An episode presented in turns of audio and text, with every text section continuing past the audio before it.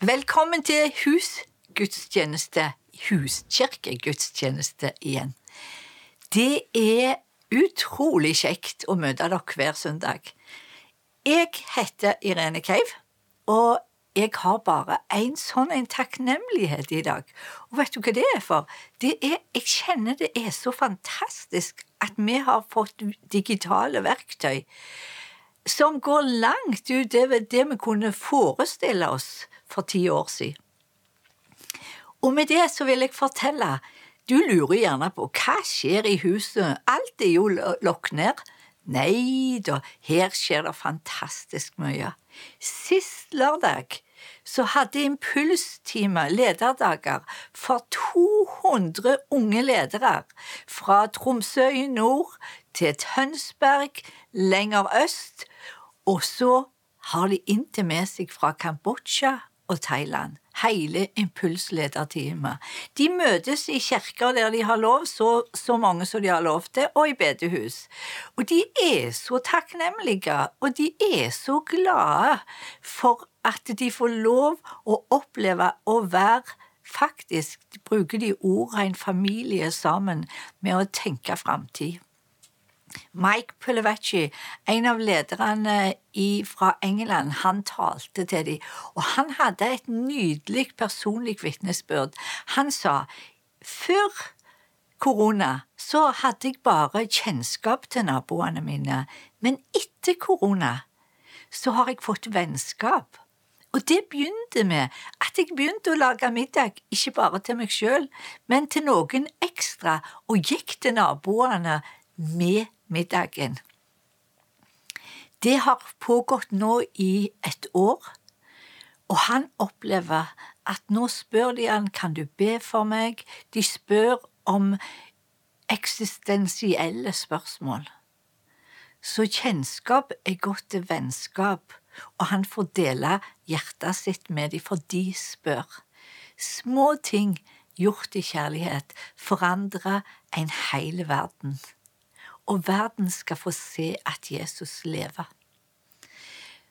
Så, på onsdag i sist uke, så hadde det internasjonale teamet De pleier å ha en konferanseagenda, en konferanse i Bangkok hver januar, men det går jo ikke an. Det som skjer da, vi har digitalt utstyr, folk fra Nepal, fra Mali, fra Bangladesh, ja, fra 16 forskjellige nasjoner møtes en plass i landet sitt der det er nettverk, og så har vi konferanse. Og, og, og tenk dere det. De fra Mali, de satt 30 timer på buss for å komme og være sammen med oss. Det er som å gå fra Kristiansand til Stavanger i tre døgn. Tenk på den lengselen, og tenk på den inspirasjonen, og tenk på den velsignelsen Gud gir de. I Mali forteller de det at hver dag så blir det noen som tar imot Jesus. Jeg er så takknemlig. Du, er vi takknemlige for at Gud er større enn alle andre og hans hjerte vil ut til de som ennå ikke kjenner han. Og vi får være en liten del av denne innhøstningen. La oss takke. Jesus, jeg takker deg så mye for det digitale verktøyet du har gitt oss. Nå når alt er stengt, så kan vi bare møte hverandre og være familie og hjelpe hverandre til å bli disippelgjort til å vokse i troen på deg, og til å bringe evangeliet ut til de som ennå ikke kjenner deg, men som du lengter så inderlig etter. Jesus, vi bare takker deg for alle landene som var representerte, for vi bare ber om at din velsignelse skal være over dem, og de skal få se deg og ditt ord bli tydeliggjort i tegn og under og mirakel, slik at mange får erfare din kjærlighet, Jesus. Amen. I dag skal vi en tur til Albania. Vaso og Margarita uh, har hatt en ufattelig spennende tid de siste ca. halve året. Et uh, vendepunkt var da Vaso og Margarita fikk korona sjøl. Det var forholdsvis tøft, uh, men gikk bra. Men idet de kom, kom ut fra det, så um, var de jo fri til å besøke absolutt alle. Så enda mer enn før så gikk de rundt og betjente og tjente og ga ut godhet uh, til, til veldig mange folk. Gud begynte å bruke godhet på en sånn måte at folk hadde lyst til å få tak i uh, kilden til denne godheten.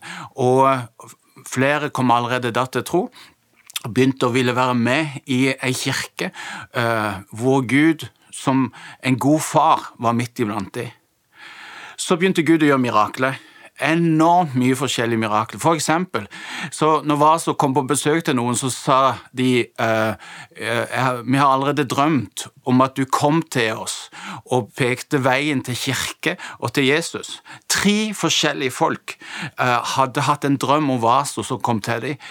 Da uh, hva som virkelig kom, så sa de vi er klar og ble en del av kirke, ble en del av tro. 15 stykk har eh, det siste halve året sagt ja til Jesus, i et land som har aller mest muslimer iblant seg. Eh, de har økt til seks huskirker, to ungdomsgrupper. Da de hadde juleforestilling som ungdommene dro i gang og spilte teaterstykke, kom det 60 stykk. Og eh, de aller fleste av de er nå en del av disse huskirkene. Nå skal du få lov til å være med og heie på Vaso og Margarita.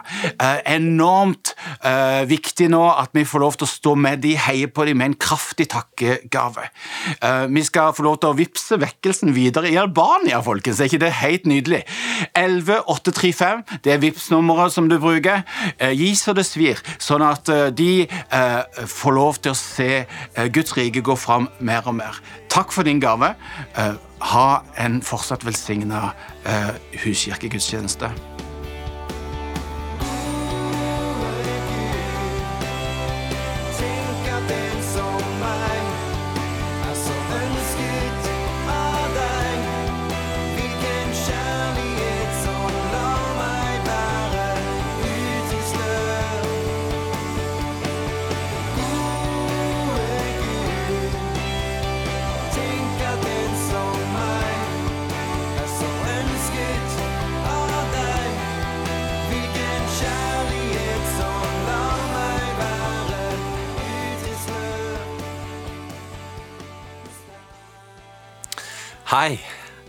Denne ukas input eh, tar utgangspunkt i en person i Bibelen som i hvert fall jeg aldri har brukt i en tale før, og som jeg må innrømme jeg har ikke hørt så mange taler om heller. Bakgrunnen det er jo at uh, i år så har vi i uh, Imi-kirka dratt i gang en sånn satsing på å lese hele Bibelen på et år sammen. Og det er etter hvert blitt ganske mange mennesker som er med på det. Nå kan det godt hende at du som, ikke, som, ser på dette nå, ikke er en del av det, og det er helt ok. Du skal lett henge med på det jeg sier i dag allikevel.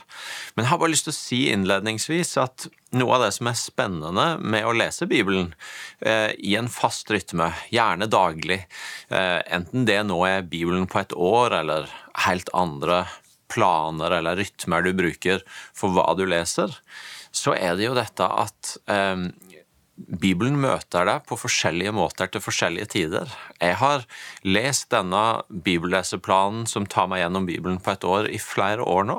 Og aldri før har jeg tenkt på eh, den personen som jeg skal ta som utgangspunkt i dag.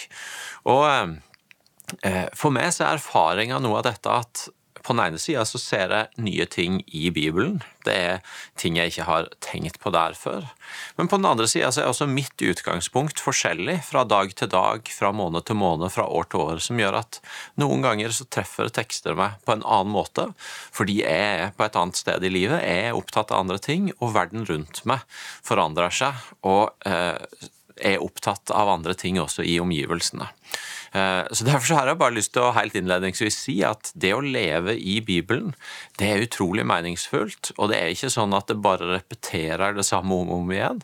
Men det er en nye ting å oppdage, både fordi vi har mer å se i Bibelen, men også fordi Bibelen møter oss på andre måter eh, i ulike situasjoner. I den siste tida så har vi lest Jobbs bok i den bibelleseplanen er, og en del andre er i.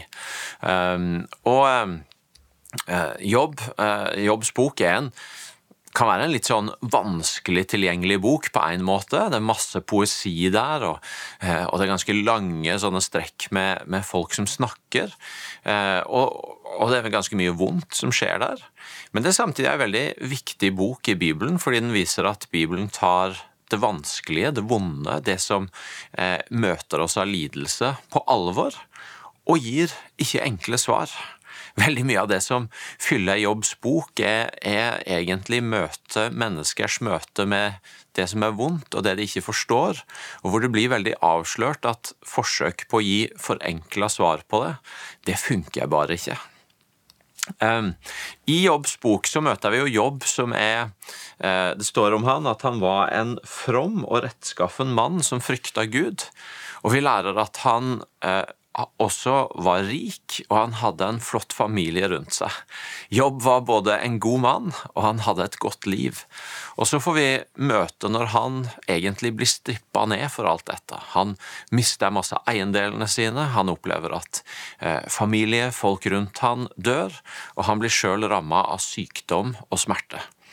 Og så er Jobbs bok hans kamp med å komme til rette med dette. Hans rop til Gud, men også hans samtale med en del venner rundt som i utgangspunktet kommer til han for å trøste, men som ender opp egentlig med å bli mer til byrde enn til trøst, fordi de kommer med alle disse enkle svara og formaningene som egentlig bare gjør byrden tyngre å bære for jobb. Og et godt stykke ut i Jobbs bok, når tre andre venner har sagt det de har på hjertet. Så står det at de egentlig blei tause, de hadde ikke mer å si.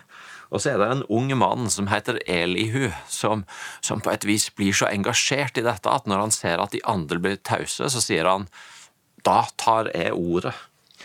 Og så står det i Jobb 32, vers 17 og 18, så når Elihu tar ordet, så står det her Også jeg må ha rett til å tale. Jeg vil også si min mening, for jeg fylles av ord. Ånden i mitt bryst driver meg. Mitt bryst er lik uåpna vin, lik nyfylte skinnsekker som holder på å revne. Jeg vil lette på trykket ved å tale, åpne leppene og gi svar jeg måtte humre litt når jeg leste disse orda, fordi eh, han, han gir noen sånne fantastiske bilder av dette her trykket innafra som han kjenner på. som han kjenner, Jeg må bare, jeg må bare få ut dette trykket av ting som, som bygger seg opp i meg, av ting jeg må si. Og jeg vet, jeg vet, ikke med du om du kan kjenne deg igjen i det, men jeg, jeg kan kjenne meg igjen i det. Jeg er på den ene sida som type det vi gjerne kaller introvert. Det betyr at i mange sammenhenger kan jeg være litt stille, ikke være den som først tar ordet. Men likevel, når jeg først kjenner på at nå har jeg noe å si, nå har jeg noe på hjertet, så vet jeg at jeg kan bli ganske ivrig og ganske intens, og, og jeg må liksom jeg, jeg har erfart mange ganger den derre 'dette må jeg bare få sagt'. Noen ganger så blir det skrevet ut, på Facebook eller i en mail. Andre ganger så blir det ytra i en relasjon, i en samtale. Noen ganger så har jeg en sånn plattform som denne, hvor jeg kan si det ut til mange. Og det, det kommer gjerne av at ah, her har jeg noe på hjertet, jeg må bare få sagt det. Akkurat sånn som Elihu sier. Og så går jo Jobbs bok sånn at vi ser at Sjøl om Elihu kjente et voldsomt trykk, og han sa at uh, han fylles av ord, og ånden i mitt bryst driver meg, så blir jo konklusjonen at det han sa, var ikke så smart. Uh, han, han, hadde feil. Når Gud griper ordet i Jobbs bok, så viser det seg at om han hadde aldri så mye trykk innenfra, så var det han sa, faktisk verken til hjelp eller i tråd med det som Gud så og tenkte. Og det må jeg ærlig innrømme, og det var vel noe av grunnen til at jeg måtte humre litt når jeg leste det. Det var at det, det er jo min erfaring òg. At noen ganger når dette trykket etter å ytre seg, etter å si ting, enten det er ut i, eh, på internett, eller det er i en relasjon, eller det er en plattform jeg har, så er det noen ganger som jeg oppdager at ja, ah, så bra at jeg tok ordet. Der hadde jeg virkelig fått noe som var viktig å si. Men så er det òg noen ganger hvor jeg liksom bare må Åh, sa jeg det? Hvorfor sa jeg det? Det var jo ikke meningsfullt. Det var jo ikke til hjelp. Det kan være at jeg blir ivrig og skriver et eller annet. Det kan være i relasjoner. Og kanskje har du opplevd det, at du noen ganger tok ordet, men det var ikke så hjelpsomt. Det var ikke så konstruktivt. Jeg tenker i hvert fall noen ganger når jeg leser kommentarfelt i nettaviser eller diskusjoner som foregår på Facebook, at det er ikke alltid når vi kjenner trykket og bare må ytre oss, at vi gjør det på den beste måten, eller eh, at det som kommer ut, er det mest konstruktive. Um, og det minner meg om en som jeg hørte si en gang, at uh, jeg blir litt nervøs når folk ber meg om å følge hjertet mitt. For min erfaring er at det bor litt av hvert forskjellig i hjertet mitt, og ikke alt er bra. Og det er jo sånn det er, at uh, inni oss så bor det mye forskjellig. Og det å bruke trykket innenfra, at nå bare kjenner jeg at jeg må slippe ting løs, det er ikke nødvendigvis alt, alltid det beste kompasset i livet vårt for å ytre oss eller for å ta valg. Ehm, de av oss som har sagt ja til Jesus, vi er dypest sett ikke kalt til å følge verken hjertet eller trykket innenfra eh, etter å ytre oss, men vi er kalt til å følge Jesus. Og Derfor så syns jeg det var litt spennende og parallelt med jobb og denne teksten om Elihu denne uka. møter Jesus i Matteus 22, som eh, blir møter de skrifterne, fariseerne, sadukeerne, og det står helt eksplisitt at de ønsker å fange Jesus i ord. De ønsker å stille han spørsmål som setter ham fast, og som gjør at han på et vis snubler og sier noe som stiller han i et dårlig lys. Og så ser vi at Jesus, han, han går jo an å tenke seg at han har blitt litt frustrert på disse folka av og til, som alltid skal diskutere med han. Det kan tenkes at han òg kjente på et sånn indre trøkk. Men vi ser at han lar seg ikke rive med i samtalen. Han blir ikke stille. Han, han lar ikke være å snakke, men det han sier, det er eh, klokt og det er sånn at han, han, lar seg ikke fange av deres spørsmål. Men ofte så svarer han ikke helt på det de spør om. Men i sin visdom så stiller han et spørsmål tilbake, eller han gir et annet perspektiv som gjør at de ikke kan fange han i ord. I dette tilfellet så er det om alt fra, eh, eh alt fra om de skal betale skatt, til om noen sånne hypotetiske spørsmål rundt det og eh, hva som skjer med ekteskap etter døden eh, og, og, og i, i, det neste livet. Eh, men, men, Jesus har en utrolig visdom på å ikke la seg fange, på å ikke la seg rive med, men på å svare på en annerledes måte, som snur samtalen, og som til og med gjør at det står at til slutt så torde de ikke å svare han lenger, for, for de visste ikke hva de skulle si. Midt i disse samtalene, så får Jesus spørsmålet om hvilket bud som er det største. Og så kommer det velkjente svaret hans. Det største budet, det er at du skal elske Herren din Gud av hele ditt hjerte, hele din sjel og all din forstand, og du skal elske din neste som deg sjøl. Både jeg og du kan noen ganger bli frista til å ta ordet. På Facebook, i en mail, i en relasjon, kanskje overfor ektefellen vår, i en plattform vi har.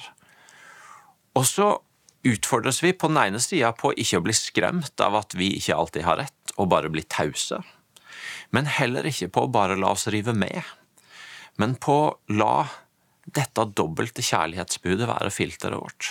Hvordan kan vi la Jesus inspirere oss til å, når vi griper ordet, la kjærligheten være en rettesnor for å velge en annerledes stemme? I samfunnet vårt, i relasjonene våre, på arbeidsplassene våre? Hvordan kan vi unngå å la oss fange i og bare hive oss på det som måtte være den gjengse tonen, eller eh, en sånn strøm hvor alle bare hiver seg på en bølge av å fordømme noe, eller bli sinte på noe, eller eh, ta en person, og i stedet bringe et annet perspektiv, et perspektiv hvor stemmen har et utgangspunkt av kjærlighet. Ordspråkene 1821 sier at tungen har makt over død og liv, og de som gjerne bruker den, får smake frukten. Hvis du har opplevd, som Elihu og som meg, at noen ganger så er det trøkket som kommer innenfra, egentlig ikke oppbyggelig, så kan jo jeg og du bli frista til å bli tause, fordi vi stoler ikke helt på vår egen stemme. Men Jesus viser oss, og ordet fra ordspråkene viser oss, at det ville være veldig dumt hvis vi blei tause. Fordi denne verden trenger en annen stemme. Tunga har ikke bare makt over død, men også over liv. Og Derfor så tenker jeg at jeg og du kan la oss utfordre av å bruke orda våre, av å bruke tungen vår, gjennom et filter av kjærlighet, til å være de som bygger opp, og som bringer liv. Så denne uka har jeg rett og slett bare lyst til å utfordre deg på å tenke gjennom hvordan bruker du orda dine? Hvordan lar du eh, de impulsene som kommer i deg etter å gripe ordet, etter å mene noe, etter å ytre deg, enten det er i det offentlige eller i en relasjon, eh, bli en mulighet til å bygge opp i stedet for til å rive ned. Må Gud velsigne deg i å gripe ordet på en måte som blir til velsignelse og liv for verden rundt. Tusen takk, Elling. Takk for du hjelper oss til virkelig å gå inn i oss sjøl og tenke og vurdere og spørre er det kjærlighet som driver oss, eller er det våre egne tanker og meninger. Takk, Elling. Til det så er det greit å være alene og tenke på hvordan er jeg når jeg kommuniserer, hvem er jeg, men hvis vi har ei huskirke som vi kan være sammen med, så kan de speile oss og hjelpe oss til å være enda mer vare overfor hva Jesus vil vi skal bruke munnen vår til og vedet vårt til. Så er du ikke med i huskirka, så er du hjertelig velkommen, og da bare sender du en melding til meg, Irene alfakrøll imikirka.no, så skal jeg finne ei huskirke for deg.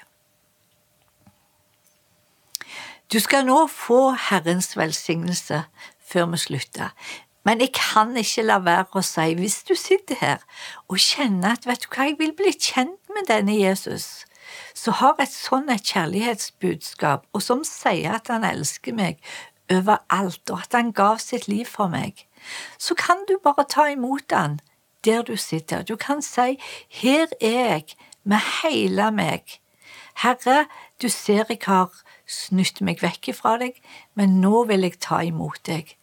Og når du ber denne bønna, så tar han imot deg. Og så kan du få komme og være med oss i Imekirka hvis du er her i Stavanger, eller andre kirker, og vokse på veien. For husk, Jesus sier du er verdifull, og han vil at du skal vokse i troen på han. Ta imot Herrens velsignelse. Herren velsigne deg og bevare deg. Herren la sitt ansikt lyse over deg og være deg nådig. Herren løfte sitt ansikt på deg og gi deg fred. Amen.